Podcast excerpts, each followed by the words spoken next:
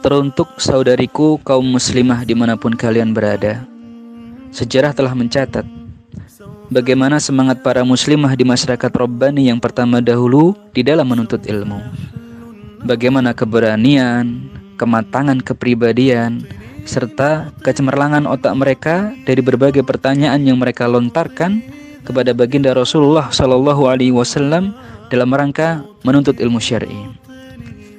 Pada suatu ketika, datanglah para wanita Ansor kepada Rasulullah Shallallahu Alaihi Wasallam dan berkata, Wahai Rasulullah, berikanlah kesempatanmu sehari saja agar kami para wanita juga bisa belajar darimu agar kami tidak kalah dengan kaum laki-laki.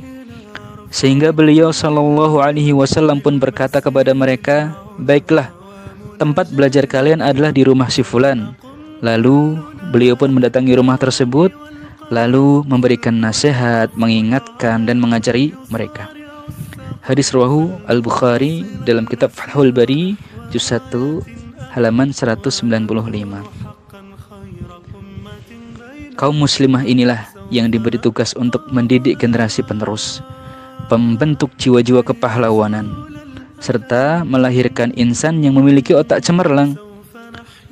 Perhatikanlah bagaimana manusia banyak mengungkapkan rahasia di balik kesuksesan suami dan anak-anak.